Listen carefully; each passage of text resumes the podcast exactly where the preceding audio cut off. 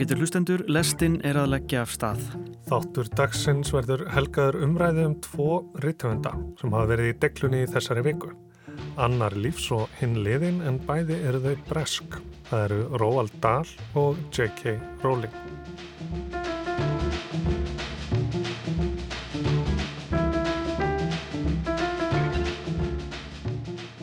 Ég heiti Jóhannes Ólafsson og ég heiti Snorri Raffn Hallsson. Þetta er lestinn miðugudaginn 22. februar.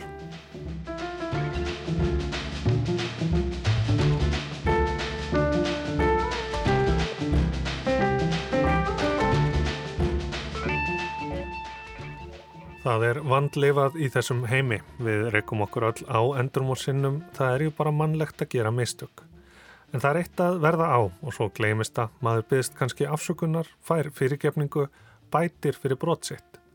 En það er annað þegar að mistökin eldamann á röndum verða hluti af arfleifðmanns, lifa jafnvel áfram í verkum okkar, lifa okkur af. Málinn flækast þó svo litið þegar við viðurkennum ekki mistök okkar, göngumst ekki við þeim skada sem við völdum öðrum, sínum korki yðrunni yfirbót. Og svo er það það, þegar við gerum eitthvað í dag, segjum eitthvað sem þykir bara ósköp eðlilegt, en þegar framlýða stundir verður svo orðræða bara bart síns tíma, þykir ekki í lægi lengur. Við verðum hluti af fortíð sem þarf einhvern veginn að takast á við, glíma við og gera upp. Hvað gerum við þá? Við veldum þessum flækjum fyrir okkur í lestinni í dag, því all hressilega hefur gustað um tvo ríthöfunda, raunar barnabókahöfunda undarfarna daga og vikur. Það eru J.K. Rowling, höfundur Harry Potter bókana og svo hinn ástsæli Róald Dahl. Byrjum á honum. Já, þessi breski höfundur sem fættist árið 1916 og lést árið 1990 er einhver þekktasti barnabóka höfundur 20. aldar. Lang þekktastur fyrir sögur sínar um Kalla og Selgætisgerðina, Mattildi, Nordnirnar, Jóa og Risaferskjuna og svo margar fleiri. Gríðarlega vinsæl bæði þá og nú hefur selt á þriðja hundrað miljón bóka og enn í dag eru börn að lesa þessar bækur. En það eru endur útgáður á nokkrum af hans ástsælustu verkum sem hafa vakið verulegt umtal undanfarnar daga. Svo mikið að höfundar á borfið Salman Rusty hafa fordæmt útgáðunar og forsættisráð þeirra Breitlands Rísi Súnak hefur einni komið á framfæri gaggríni.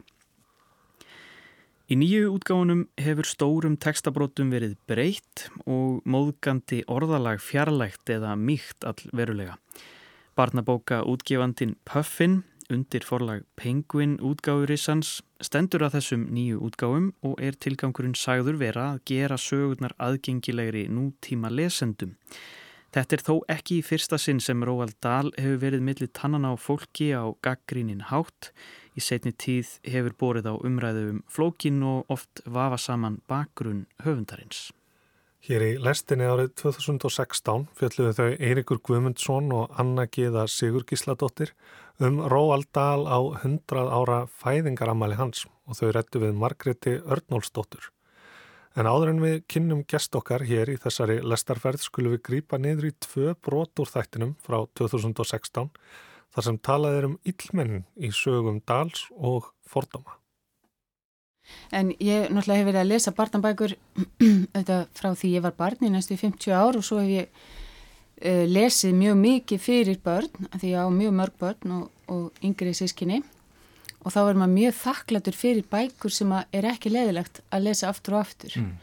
og bækurnar hans Róald Dals eru nú eiginlega bara í toppflokki þar, það er eiginlega ekki hægt að verða leiður að þeim. Nei, það maður hefur gaman að þeim sjálfur, börnin hafa gaman að þeim en já, en já, sérst, að, já, að, sérst, já, náttúrulega þetta, þetta er bara sameileg hérna ánægja. Mm. Og börnin náttúrulega byggja um þær aftur og aftur. Að, þau, en þau byggja oft nefnilega um leiðilega bækur aftur og aftur sko, þannig að þess vegna er ég nú að nefna þetta sérstaklega. En hann er bara svo mikill snillingur í sko svona, það er svo skemmtilegt jafnvægi milli svona um, kátínu og gáska og, og húmors og síðan sko, ja, hann svona hann eh, gælir við hrylling og, og, og já, svona hlægir og hlægir og hræðir mm -hmm. á mhm. sama tíma en svo líka svo svona uh, mikið mennska í þessu og svona fallet hjarta. Já. Ég sé að mennur einmitt að skrifa um þetta sko með hryllingin eða ógnina sem er þarna undirliggjandi hjá hann og, og mennur stundum að rífast um það hvort það sé gott eða ekki gott fyrir börn að komast í tæri við, við eitthvað slíkt. Um, sumir segja að það sé mjög gott og einhvers konar hreinsun fyrir börnin að hérna, lesa um, lesa um skrimslinn til þess að geta tæklaðu sjálf í sínu eigin lífi. Já, ég held að maður ekkert vanmeta börn í þessu, þessu samingi því að þau náttúrulega eru, eru að hugsa um hrylling alveg frá því bara að fara að komast til einhversu vits held ég. Mm. og um, en sko hann ánáttúrulega, hann hefur skapað mjög eftirminnileg skrimsli, ég mann alltaf eftir því sérstaklega hérna úr Mattildi sem var eina af mínum uppáhaldsbókum að það er þessi ræðileg skólastöri hérna fröken Frenja held ég hún heiti nú í íslensku þýðingu og sónu minn sem var sko fimm ára búin að sjá að Alien myndirnar og, og hérna Star Wars og alls konar skrýmsli og let sér hverki bregða hann hafi bara aldrei upplifað neitt trillilegra heldur en þess að þennan skólastjóra. En svo er þessi svarti húmóruð þetta sem er kannski einkenni. Við tala um eitthvað sér dalíst og þá, þá sjáum við fyrir sér eitthvað svona fyrirleitlegt fullöði fólk og, og, og kólsvartan, kólsvartan húmór. Já, mm hérna, eða má gaggrín eitthvað þá, þá allavega hef ég svona tekið eftir því.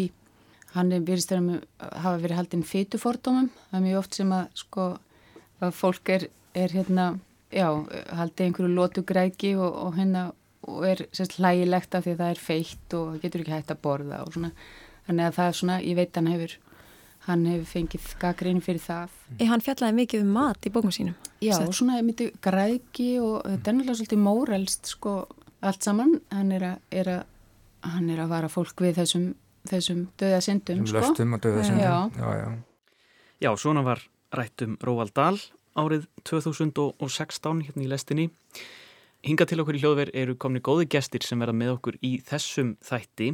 Það eru þau Sverri Norrland, rittuundur, þýðandi og útgjáandi, Þorbjörg Þorvaldstóttir, bæjarföldrú í Garðabæi og fyrirum formaður samtakana 78 og Eija Margret Jóhannu Brynjarstóttir, profesor í heimsbyggi. Verið öll hjertanlega velkomin.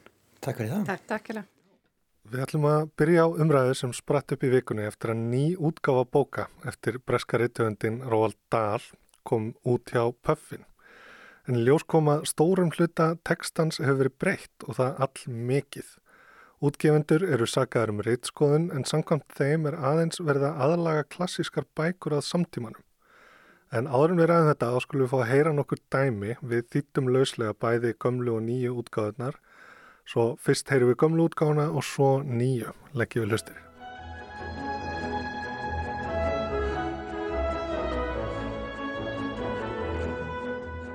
Við byrjum á kalla og selgætisgerðinni þar sem fordómafyllt tungumál hefur verið hreinsað upp. Melkorka Ólafsdóttir les úr tekstanum eins og hann var en Jónatan Garðarsson nýju útgáðuna.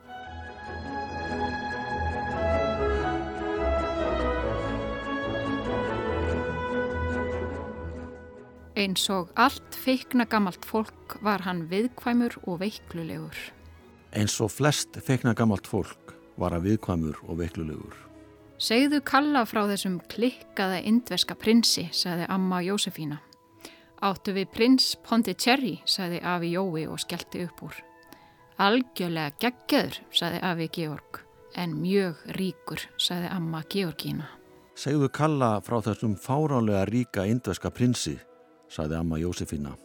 Áttu við prins Pondicherry, saði Afi Jói og skellti upp úr. Nýju ára strákur sem var svo gífurlega feitur að hann leit út fyrir að hafa verið blásin upp með öflugri pumpu. Nýju ára strákur sem var svo gífurlega mikill að hann leit út fyrir að hafa verið blásin upp með öflugri pumpu.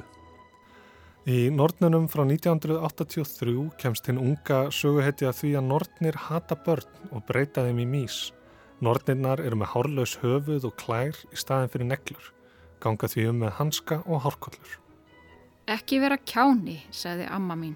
Þú getur ekki gengið um og tókað í hár hverjar einustu dömu sem verður á veiðinum, jáfnverð þó hún sé í hönskum. Reyndu bara og sjáðu hvað gerist. Jáfnverð þó hún vinni sem kassadama í stórmarkaði eða velriti bref fyrir businesskall. Ekki vera kjáni, sagði amma mín. Þar að auki eru ótal aðrar ástæði fyrir því að konur ganga með hárkollur og það er ekkert að því. Jafnvel þótt hún sé virt vísindakona eða reyki fyrirtæki. Mattildur í Mattildi fer í ævintýr og ferðalög með því að lesa bækur en smekkur hennar hefur aðeins breyst frá því bókin kom fyrst út. Hún sildi á gamaldagsskipum með Jósef Konrad. Hún ferðaðist til Afríku með Ernest Hemingway og til Indlands með Rudyard Kipling. Hún heimsótti 19. aldar herragarða með Jane Austen. Hún ferðast til Afríku með Ernst Hemingway og til Kaliforníu með John Steinbeck.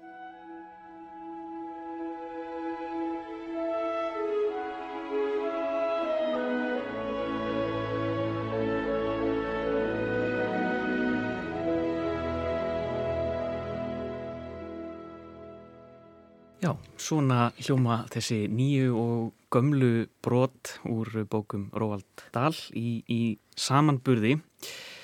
Uh, Sverir, ef við byrjum aðeins á þér í, í þessu, þar sem þú ert svona með alla þessa hata, skrif, þýðingar og, og útgáfa, er, er þetta eðlilegt að endur skoða uh, bækur með þessum hætti og, og, bækur sem er ekki orðnar eldri en nema kannski um, um 30 ára? Stuttasvarið er bara nei finnst mér, ég er enda rökk við að því að það var ein lína þarna sem ég heyrði.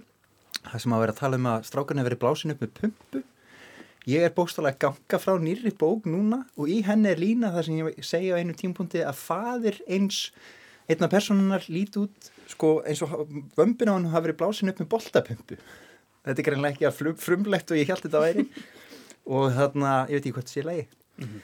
En nei, mér finnst þetta, mér finnst þetta lýsa vissu svona vantrust í gagvart bara fólki og lesund. Lesundur eru hugsandi fólk, bækurnar að skrifa þar á einhverjum tíma, þær kom út þá og ef þetta er eitthvað að vefjast fyrir fólki að tímatni breytist, þá er þetta að ræða það. Þú veist, ef það verður að lesa bækurnar fyrir krakkana, þá er þetta að útskýra þetta. Mér finnst þetta bara hálfgerður svona yfirgangur í útgefundum að treysta fólki ekki til að hugsa sjálft og, og svo er þetta náttúrulega líka Þáttið var samt gagvart nafni Róald Dahl sem skrifaði bækurnan. Mér finnst sjálfur mjög óþægileg tilugsun að sko, ekki það ég haf miklar ágjörði hvað gerist, hvað mér snertir eftir að ég dey þó ég hef reyndar ekkert í hyggju að drepast en ok, þá þarna er fólk fyrir að breyta því sem ég skrifaði þú veist, Já. þá þá bara frekar að henda í ruslið. Einmitt. En svona endur skoðar útgáður eru algengar, ég menna það er oft tekið svona eitthvað pínulítið skref í einhverju átt uh, einhver orð einstök orð endur skoðu eða eitthvað. En þarna, er, þarna eru heilmiklar bara breytingar bara á textanum. Já. þannig að hvar, hvar á maður að hætta? Ég menna þú veist er þetta ekki Já, það, það er náttúrulega bara svo erfitt að höfundurinn er ekki lengur á lífi. Mm -hmm en þarna náttúrulega kannski við þurfum bara að meta það er það höfundurinn sem áhafa síðast orðið eða er það einhverju viðskita hagsmunir að því að Róvald Dahl og höfundaverk hans er náttúrulega bara eins og verk annara stóra höfunda eða einhver sköpunarverk það sem er núna bara búið að stopna einhver fyrirtæki í kringum það mm. þannig að þarna ráða náttúrulega einhverjir viðskipta hagsmunir fyrst og fremst frekar en einhver rosaleg réttlætiskent held ég sko, þau vilja ekki stuða fólk mm. og maður sér þetta náttúrulega allstar ég kalli þetta stundur Netflix aðeinguna að bara svona þú veist, strók út allt sem gæti stuðað einhvern. Og þú veist, svo að mm -hmm. svo þú fáraði ekki hausin En þá er það yfirleitt útstrókurinn sem stuðar sjálf, einhvern veginn. Það... Já, en þá er kannski einhver umræðin með hann í smá tíma og svo bara loknast það út af og, og öruglega í heildina þá lítaði svo á að það sé bara betra. Mm -hmm. E, e, e, ég, ég átta mig ekki alveg á því sko Nei. en svo er ég alveg til ég að hlusta þau sjóna með að þetta sé bara, það sé nöðsynlegt að gera þetta og breyti þessu og, og ég veit bara ekkert hvað ég er að tala um og getur vel verið að þetta sé rámt hjá mér mm. en svona mín fyrsta tilfinning er svo að að það að breyta þú veist, orðinu feitur yfir í mikill ég veit það ekki sko mm.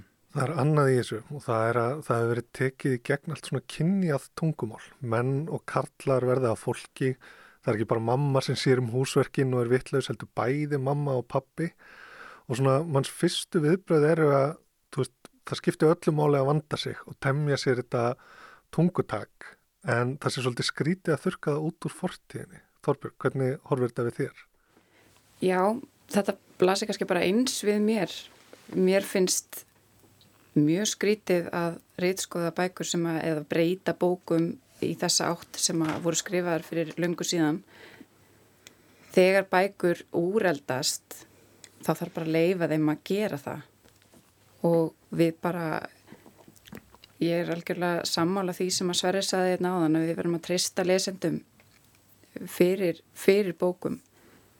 Ef við viljum síðan fá bækur fyrir börnun okkar þar sem að kynja hlutverkin eru ekki, hérna, ekki hefðbundin þá lesum við bara nýri bækur.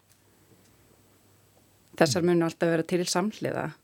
En ég er ekki alveg vissum ég er ekki vissum að þetta sé rétt að leiðin í átt að auknu kynjajabrétti þótt að vissulega geti svona geti aukin sínileiki verið, hérna, verið mjög mikilvægur en, en hann á ekki að fara fram að mínumati í, í gegnum breytingar á, á fyrir verkum. Mm. Má ég skjóti inn örstu þetta munið eftir mm. Erilborg hérna barnabökunum sem kom út svona á íslensku kringum 80. Mm. Ég hef verið að lesa þér fyrir börnum mín og það fyrir ótrúlega töðunar á mér uh, að hvern personar haft ekki nöfn, það eru mamma einhvers sem er nafngrendur -hmm. og kynjarhlutullin eru rosalega þarna gamaldags mm. síðan hefur þetta breyst, þannig ég var alltaf að reytskoðar þær voru gefnar út aftur með breytum kynjahlutverkum mm. og það var algjörlega beint í marka því ég var kort sem er alltaf að gera það sjálfur já. þannig það er náttúrulega dæmi um um hefði and, andstæða. Já, kannski að ég veit ekki. En, en, en þetta er samt, þessi verk eru svo ólíka ælis þeir eru fyrir yngri hóp. Já, akkurat. Mm. Þetta var þessi skaut upp í kollinu? Já, já einmitt. En fyrst þú nefnir það, ég, ég man líka mjög vel eftir svona einhverjum internet memes sem gengu um það að svínin í Erilborg var að borða bacon og væru kjött hérna, væru slátrarar sem væri allt svona pínu svona vafasamt á annan, annan veg sko. Og var því séðan breytt heldur? Nei, ég held ekki ekki nema að það hefði bara orðið vegan Já. Já. En missum við ekki líka af ákveðin tækifærum til að ræða þú veist hvernig fortíðin var og takast einhvern veginn á við hann á gaggrínan hátt og svona sína að það er ekkert sjálfgefið að hlutirnir séu svona. Þetta var öðruvís og það þurft að hafa fyrir því að koma þessu inn. Ef að fortíðin er bara döður hinsuð, þú veist, erum við ekki að missa svolítið með því? Jú, ég held það. Ég held að það séu einmitt mikið lærdomstækifæri í því að skoða eldri, eh, eldri bókmyndir og, hérna, og sögur sem einmitt kannski passa ekki beinlínis inn í, eh, inn í tíðarandan eins og hann er í dag til þess að útskýra þetta og þennan mun. E, ég er líka íslensku kennari e, og, og ég sé alveg klárlega tækifæri þarna til þess að taka umræðu með börnum. Mm -hmm. Þannig að rýtskoðunin ætti frekar eða rýtstjórnin ætti einhvern veginn meira eiga heima, heima hjá fólki? Já, eða umræðan á heima þar, myndi ég segja. Já. E, en auðvitað þarf fólk þá að vera meðvitað, í, sko í fyrsta lagi þarf að vera meðvitað um Eh, um kannski kynjahalla og það er ekkit allir foreldra sem eru það endilega e, á sama hátt og, og sverður að lýsa með Erinborg það er fullt, ábygglega fullt af fólki sem að lesa þá bók og, og tekur ekki eins og eftir því e, að, að konurnar hafi ekki nafn. Þannig að ég held að þetta sé miklu frekar eitthvað spurningum um samfélagslega við, viðhorf og, og bara svona meðvitund í samfélaginu öllu mm. En þá held ég síðan fyrir mér síðasta dæminu þar sem er búið að skipta út vafasumum höfundum Joseph Conrad og Rudyard Kipling verða allt í einu að Jane Austen og John Steinbeck er þetta ekki einhvers konar afturvirk slaufun eða? Uh, jú, kannski og, og þetta fyrir maður að velta fyrir sér á hverju var einmitt þessum höfundum skipt út á þennan hátt og, og, og hvað hérna hvað hafa þeir gert af sér eða af hverju með þeir ekki vera og og uh, og þetta er líka, og, og þetta kannski kannski kemur þetta líka svolítið út eins og einhvers konar sögufölsun að ef við svona hugsaum okkur að Matildur hafi verið upp á einhverjum okkurum tíma og eitthvað svo leiðis að, að, að á hverju eru við einhvern veginn að breyta því hvaða bækur hún á að hafa verið að lesa? Já, svo eru sko Hemingway sem fær að standa og Steinbeck sem koma inn, þú veist, þetta eru hvernaflagarar, Hemingway var fyllibitta og ofbeldismadur einmitt, okkur fær Hemingway að vera áfram en, en ekki hinnir Lendur við ekki á svona vandamálum þar sem að það er einhvern veginn með því að taka tvo höfunda út og halda Hemingway inni þá séum við búin að stimpla hann bara sem góðan gæja og svo þurfum við að fara aftur eftir 30 ár og skipta öllu spilki út Steinbeck var nú líka fast gott að drekka sko, ég lesi æfisum hans, var flókin mm. en Keipling var náttúrulega af nýlöndu þjóð og skrifaði á svona nýðalandi hátt um nýlönd, nýlöndurnar segja margir hann var hins vegar bara afurð síns tíma einmitt, mm. já, já, mér dætti einmitt í huga að það hafi, að það hafi eitthvað með það að gera að, að Kipling hafi verið skipt út sko. mm -hmm. En mér finnst það bara að þetta er svo mikil miskilningur að maður þurfa að vera flekklaus og það er náttúrulega ekki hægt að vera flekklaus fram í tíma, sjá fyrir skiljiði en, en til þess að búa til flott listaverk þurfum maður að vera einhvern veginn einhver tilningur. Mm. En þetta er einmitt, það, mér finnst vera svona sko ég get alveg hugsa mér dæmi þar sem að væri kannski rétt að skipta út einhverjum ákveðnum orðum. Ef við hugsaum okkur kannski að höfundur hafi skrifað einhverja bók og, og sem að er bara fín og, og, en hefur notað einhvert orð sem að þótti gott og gilt á þeim tíma en sem lesendur í dag upplifa sem bara niðrandi eh, skammarirði eða eitthvað svo leiðis mm að það er alveg að hugsa sér að í einhverjum svoleiðs tilfellum þá geti verið kannski rétt að skipta þá bara út því orði. Mm. því, og, og, og, að, og þá er líka hægt að hugsa sér að ef þessi höfundur hefði verið að skrifa þetta í dag þá hefði hann aldrei notað þetta orð Kannski en, gott dæmum kannski gott dæmum svona orð eru orð sem að, sem að endur nýjast hratt eins og hérna bara ímisorðum falla fólk Emitt Já, mm. það sem, að, það sem að þau orð sem að þóttu algjörlega hlutlus fyrir 50-60 árum þættu skammarinn í dag mm. en, en hins vegar, mér finnst til dæmis mjög skrítið þetta með sko þessa breytingu úr feitur yfir í mikill sem að að því að mér sýnist líka kannski svona vandamálið í því dæmi ekki vera hvaða orð er notað mm. heldur það eru þarna feitufordumar sem að bara þessi persóna þarna águstu sklúp eh, hann er bara svona be, hann kvílir á undirlikjandi fytufordómum og þetta gengur allt út á það að þessi hvort sem hann er kallaður feitur eða mikill að hann sé svo gráður og, og eitthvað svo leiði sko. mm. og, og þannig að það er ekkert það er ekkert minna sárt að, að, að hann sé kallaður mikill frekar en, en feitur það er alveg augljóst hver á ferðinni mm -hmm. Já, það er ekkert að afmáða það með einhverju einu orði. Nei, það þýrst eiginlega bara endurskrifa personuna ef að, ef að það eitt að fjarlæga uh, sko, hýður umverulega vandamál þar. Akkurat. Og það er líka bara kannski þetta, ef personan er fordómafull, ef við þá að breyta personunum í bókinni, þetta er kannski ekki, veist, við vitum ekki hvort við erum að gera upp, uh, sko, Róald Dahl upp einhverja skoðanir eða personunum í bókunum. Þannig að við komin inn á hættulegt. Við erum alls ekki að breyta þeim, sko. Já en það sem ég er, ég, ég er grunni sammális öllu, en það sem mér finnst hættulegt það er gott dæmi um bladamann hjá New York Times sem eins og margir bladamenn í bandaríkjunum sem vinna það sérstaklega eru sem til látni gera. Hann fekk hópa einhverjum svona forréttindakrökkum úr Evrópu bandaríkjunum til að vera einhverju sumananskið hjá sér. Því kannski munið eftir þessu máli, ég veit það ekki.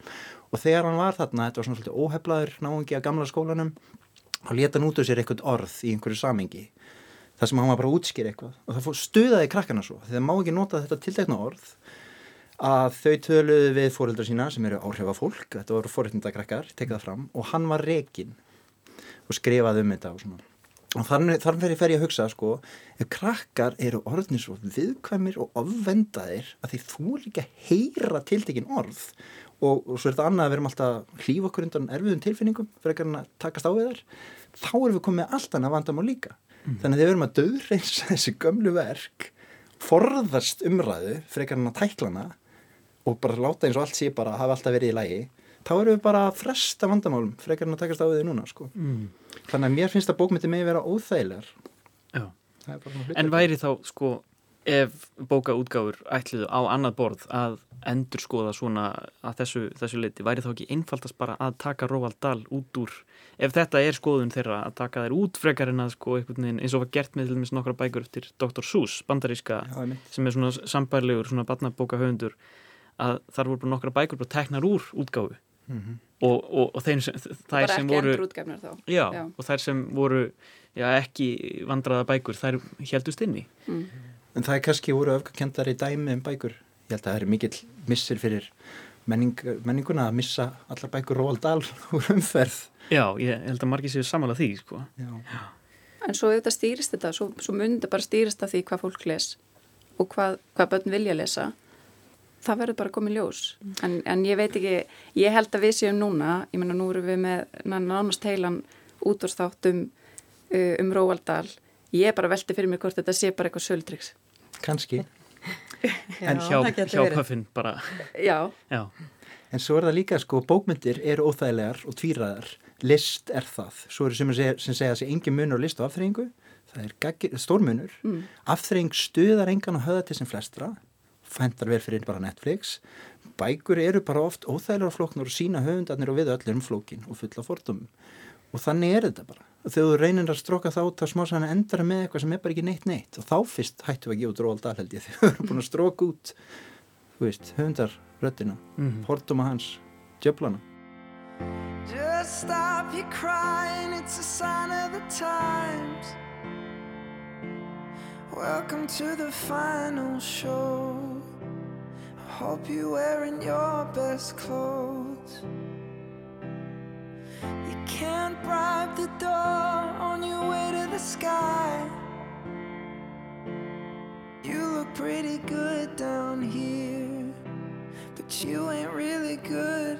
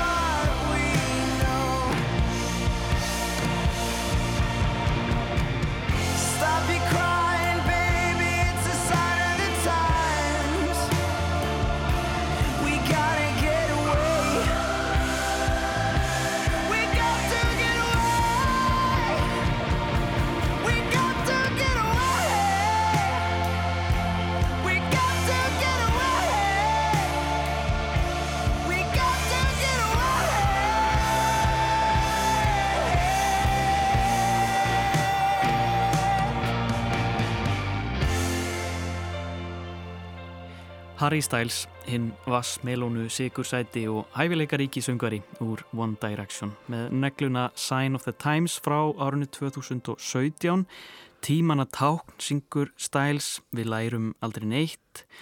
Við höfum verið hér áður og flýjum bissukúlur hægri vinstri allavega sum okkar.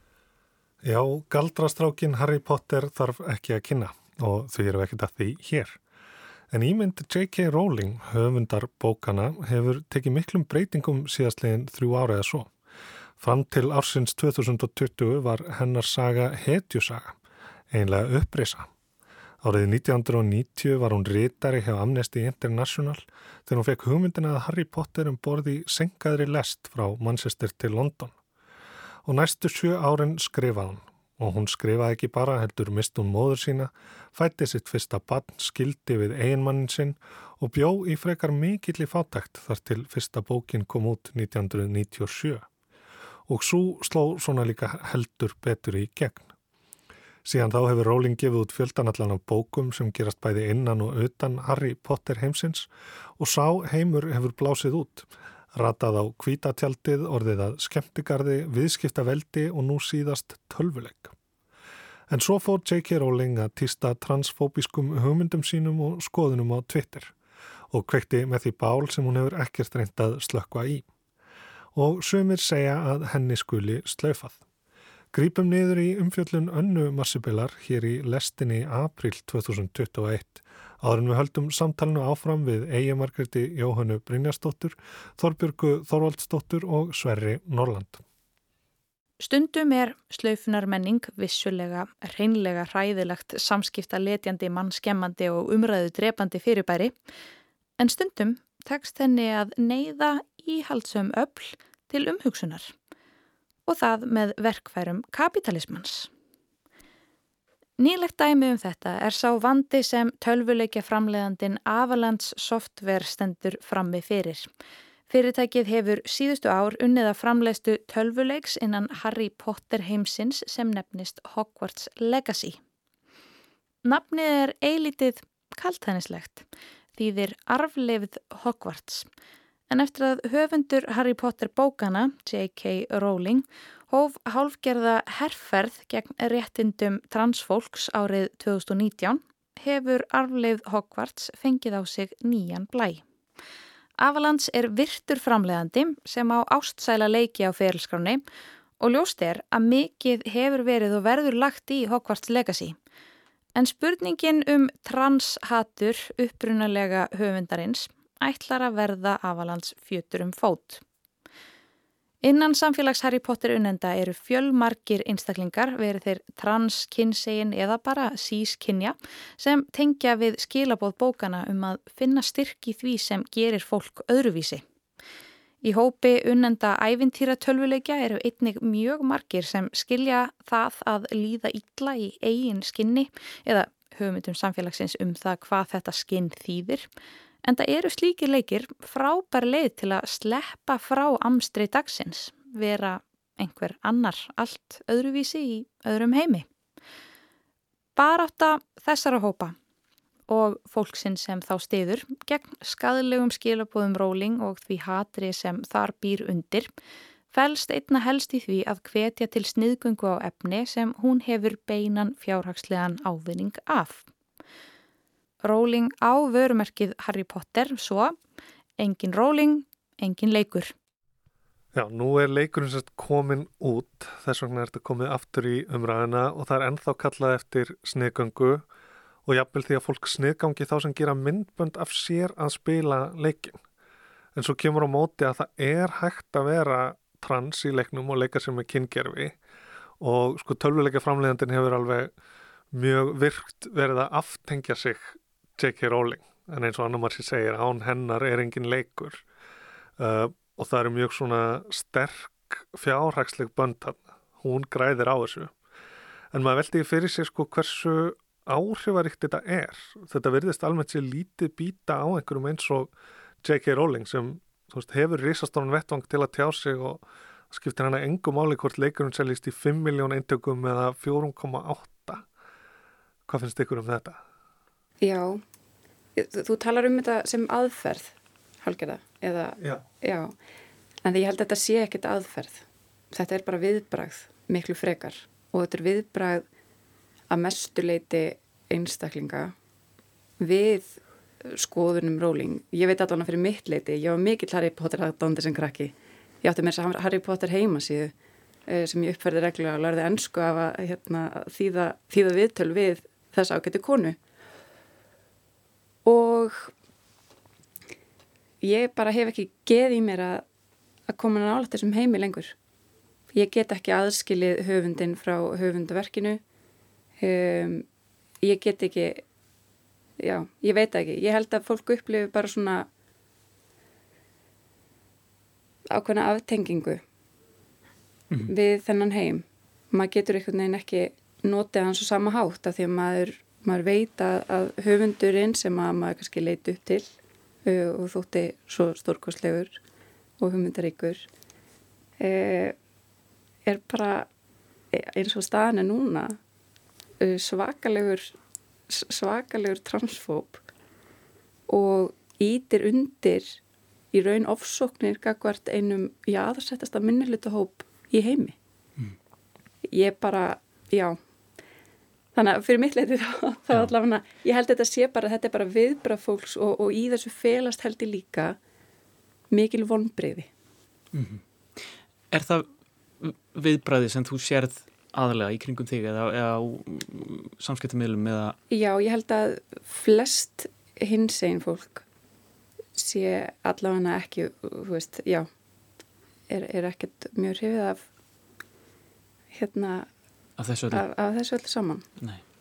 og fólku þetta bara sínir sína skoðanir og segir sína skoðanir uh, og það er engin slaufun að segjast vera ósamála J.K. Rowling eða að vilja ekki kaupa eitthvað efni frá henni lengur mm. og hérna það er einmitt bara eins og kom hann fram í máli önnumar sér, þetta er, þetta er verk, verkfæri kapitalismann sko, e, þetta er bara hinn frjálsi markaður mm -hmm. um, en ég held að sé alveg rétt að þetta býtur auðvitað ekkert á róling, hún er bara ennþá frægari núna eftir að e, eftir að hún byrja að tala svona, en það sem þetta auðvitað sendir út í samfélagið er það að það er stórhópu fólk sem hefur ekki áhuga á svona málflutningi mm.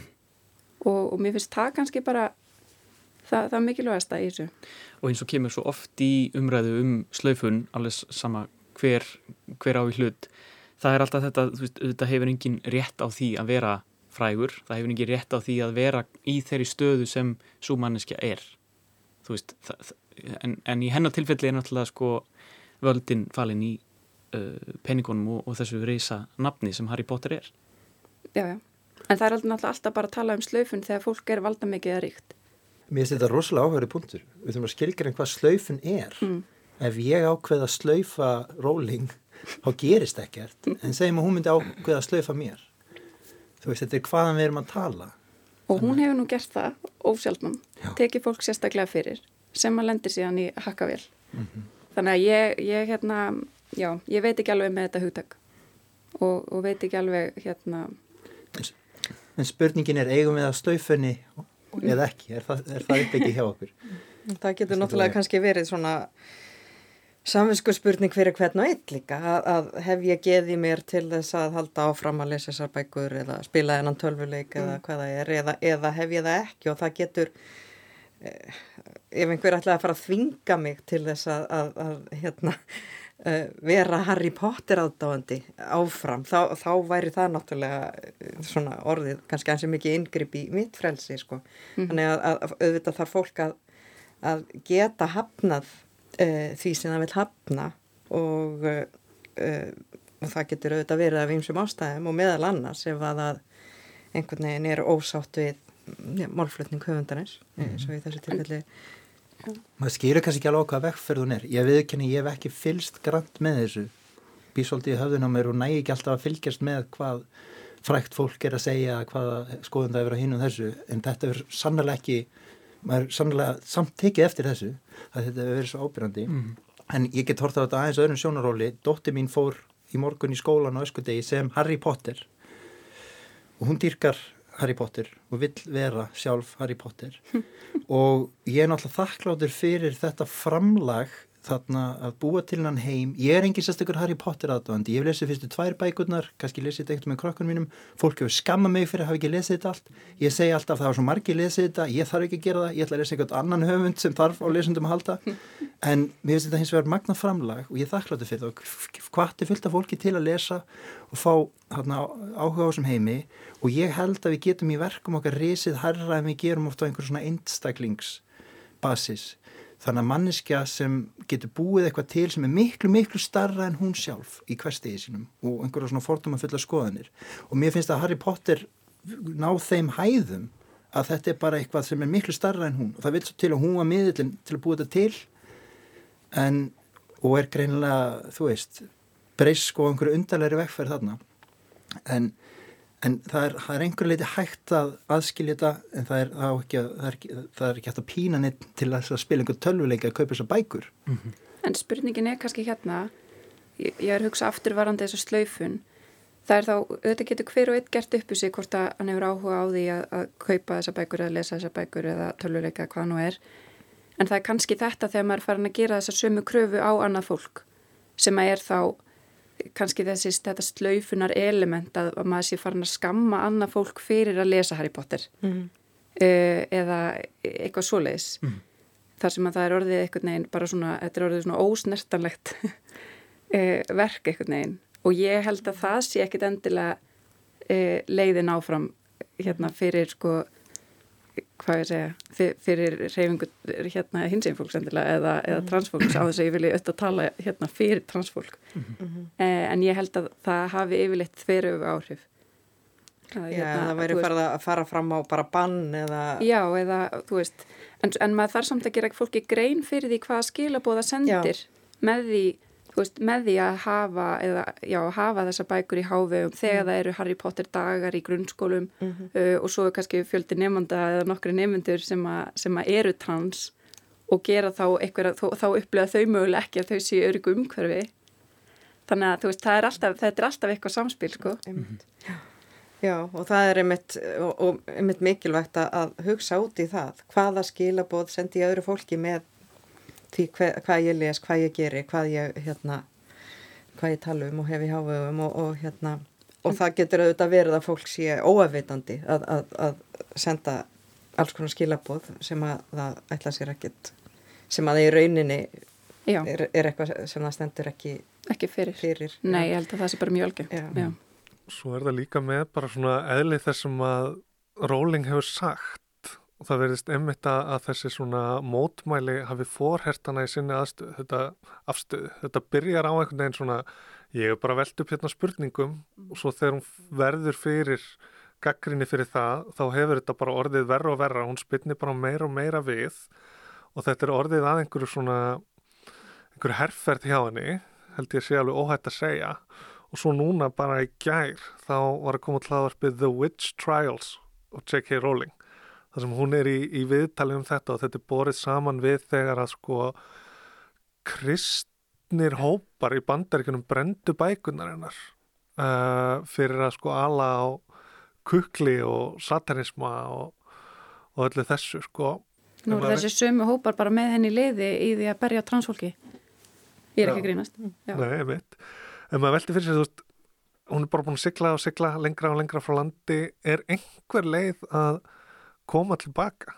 Já, ég veit það ekki. En ég held að þetta, sko, þetta er held ég alveg uh, góða punktur sko með að, að, að í byrjun hafi, hafi þetta kannski ekki verið svo mikið og, og það, en það er kannski svona sínir hvað getur verið óbúslega viðkvæmt að stíga inn í einhverja umræðu sem að, sem að er mjög viðkvæm og, og, og snýst um hérna, viðkvæma hópa og svo leiðis að hún hefur kannski til að byrja með einhvern veginn bara verið að spyrja spurninga eins og hann segir og kannski var það þannig, kannski var hún bara í einhverju saglis að spyrja spurninga en, en, en það voru þá kannski spurningar sem að, að bara komu mjög illa við ákveðin hóp fólks og, og, og uh, vegna samhengisins og umhverjusins og, og þannig að það, get, það getur verið svo opasla viðkvæmt að, að vera í einhverju svona sagleysi og fáfræði kannski að, að skella einhverju fram þegar maður hefur svona hérna víðan e, völl eins og, eins og náttúrulega Ráling hefur fullt af fólki að fylgjast með henn á samfélagsmiðlum og, mm -hmm. og, og en e, og svo hefur hún eins og segi einhvern veginn þá bara haldið áfram að, að hérna á þessari braut sem mhm. að hún var kannski var hún ekki á henni byrjun en, en, en ég veit ekki ég held, sko, ég held að jújú, jú, ég, held, ég held að geta allir komið tilbaka ef, en það þarf þá að, að kannski að hafa fyrir því og, og, og það gerist ekki af sjálfu sér. Mm -hmm. Þurfti þá að fara í rauninni alveg í hinn áttina, bara skiptum skoðun og, og segja bara ég Já, ég har rann fyrir mér. eða, ég held að það sé rosalega mannlegt í raun og veru að fara í, í þessa klikkuðu vörn sem hún er sem hún bæði fyrst fóri í og svo einhvern veginn að koma svona hart tilbaka og, og halda áfram og fara bara ennþá lengra mm. um, en jú, auðvitað vona maður að, að hún einhvern tíman sjá að sér með þetta af því að hún talar auðvitað og þessar spurningar sem hún var að spyrja að því upphafi, þær voru ekkert saklusar mm. hún talaði inn í mjög mm eldfim og erfiða umræði í Breitlandi mm. og hérna og þetta var bara það var, þú veist, þetta var ekkert saklust. Hún getur ekki bröðið fyrir sig einhverju fávísi eða fáfræði? Nei, hafði, þetta var strax, hafði strax neikvæð áhrif uh, og staða núna í, í transmálefnum í Breitlandi er bara hræðileg. Já, ætla hræðilegt dæmi hérna um bara um daginn. Já, ungstelpa sem var myrt, en ymmit og svo líka hérna var núna bara um daginn þá var, var Skotland að reyna að setja, setja lög sambarlega þeim sem hafa verið í gildi hér á landi síðan 2019 uh, og breska, breska þingið hérna, beitti neitunafaldi uh, þú veist það segir okkur ímislegt um stöðuna, þú veist það er bara algjört frost mm -hmm. En ég held að, að, að, að sko fyrir fólk sem er ekkit inn í þessari umræðu í Breitlandi og, og kemur einhvern veginn bara svona ofan á fjöllum eða eitthvað og, og, og sér þessar spurningar frá Róling mm. upphællegu að sko fyrir því þá, þá, þá virðast þær saklösa af því, af því að það þarf einhvern veginn að þekkja samhengið og átta sig á hvaða áhrif það getur haft að setja þær fram Já. til þess að átta sig á að það séu ekki saklösar. Mm. Og þess vegna og það er, það er bara svolítið taktikinn sem fólk er að nota. Það spyr spurninga og spyr spurninga og spyr spurninga hlustar svo ekki á svörin mm. og spyrir þær bara aftur og kastar þannig bara einhverju, e, einhverju óvissu yfir, yfir málflokkinni heild. Mm. Það minnst hérna til dæmis spurningin sem Sverrir veldi upp áðan sko þar maður að vera dýrlingur til að skapa list mm. hún á bara engan veginn við í þessu samengi. Þarna er spurningin miklu frekar ætlum maður að tjá sig um við hvað málefni þar maður ekki að gera það á einhvern heiðarlegan hátt og vera búin að kynna sér málinn mm.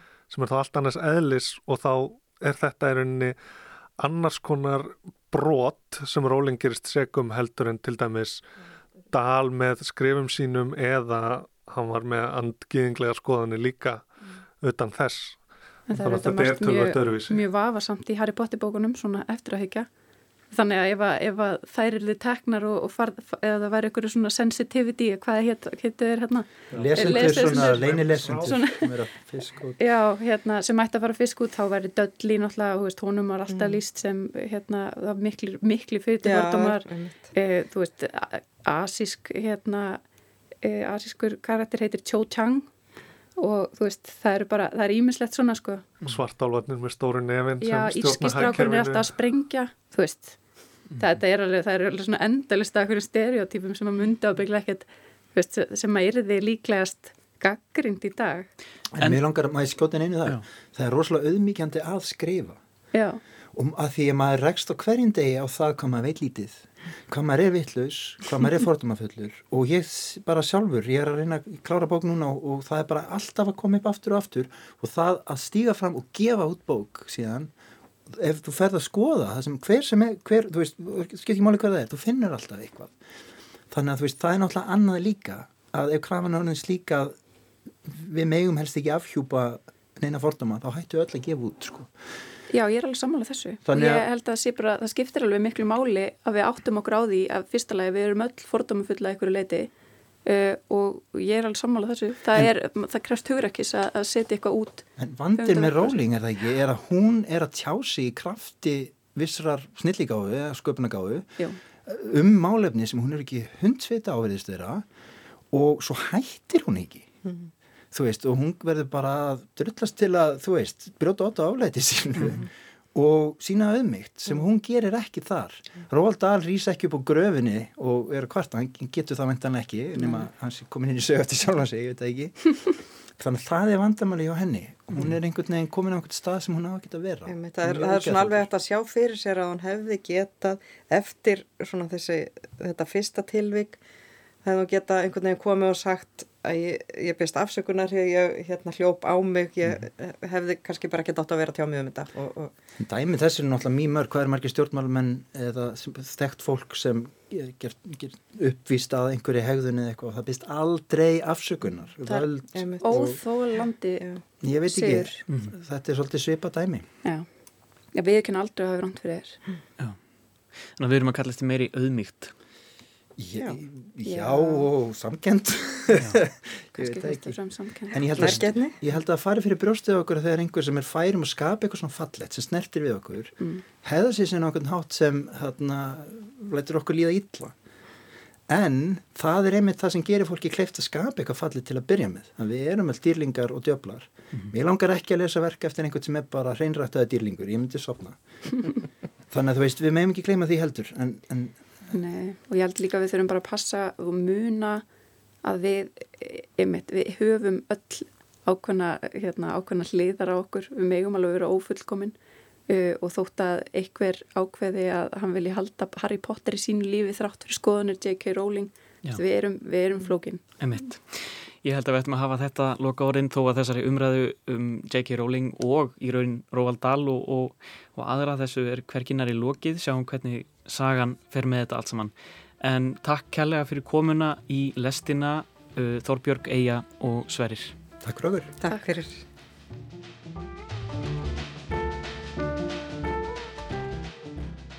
Já, svo mörg voru þau orði þetta skiptið. Á sama tíma og afkomendur og útgefundur Róald Dahl reyna að reynsa flekkaða arfleifð vandræða höfundarins með því að gefa út nútíma legri, nútíma vættari útgáfur af verkumans, sæði J.K. Rowling í nýju hlaðvarpi um nortna veiðarnar gegn sér að henni sé alveg sama um arfleifð sína. Hún gangi ekki um golf heima hjá sér og velti sér upp úr því. Nei, einmitt, en uh, þá er þessari lestarferð lokið um bresku vandraða höfundana J.K. Rowling og Roald Dahl og verk þeirra, þau hafa verið heldur betur í eldlínni. Við Snorri og Jóhannes þökkum fyrir okkur í dag, tæknimaður var Lítiða Gretastóttir. Þennan þátt og alla aðra lestarþætti má finna í rúf, spilara og öðrum hlaðvarpsveitum. Við heyrumst hér aftur á morgun, laust eftir klukkan 5. Takk fyrir samfélginu og veriði sæl.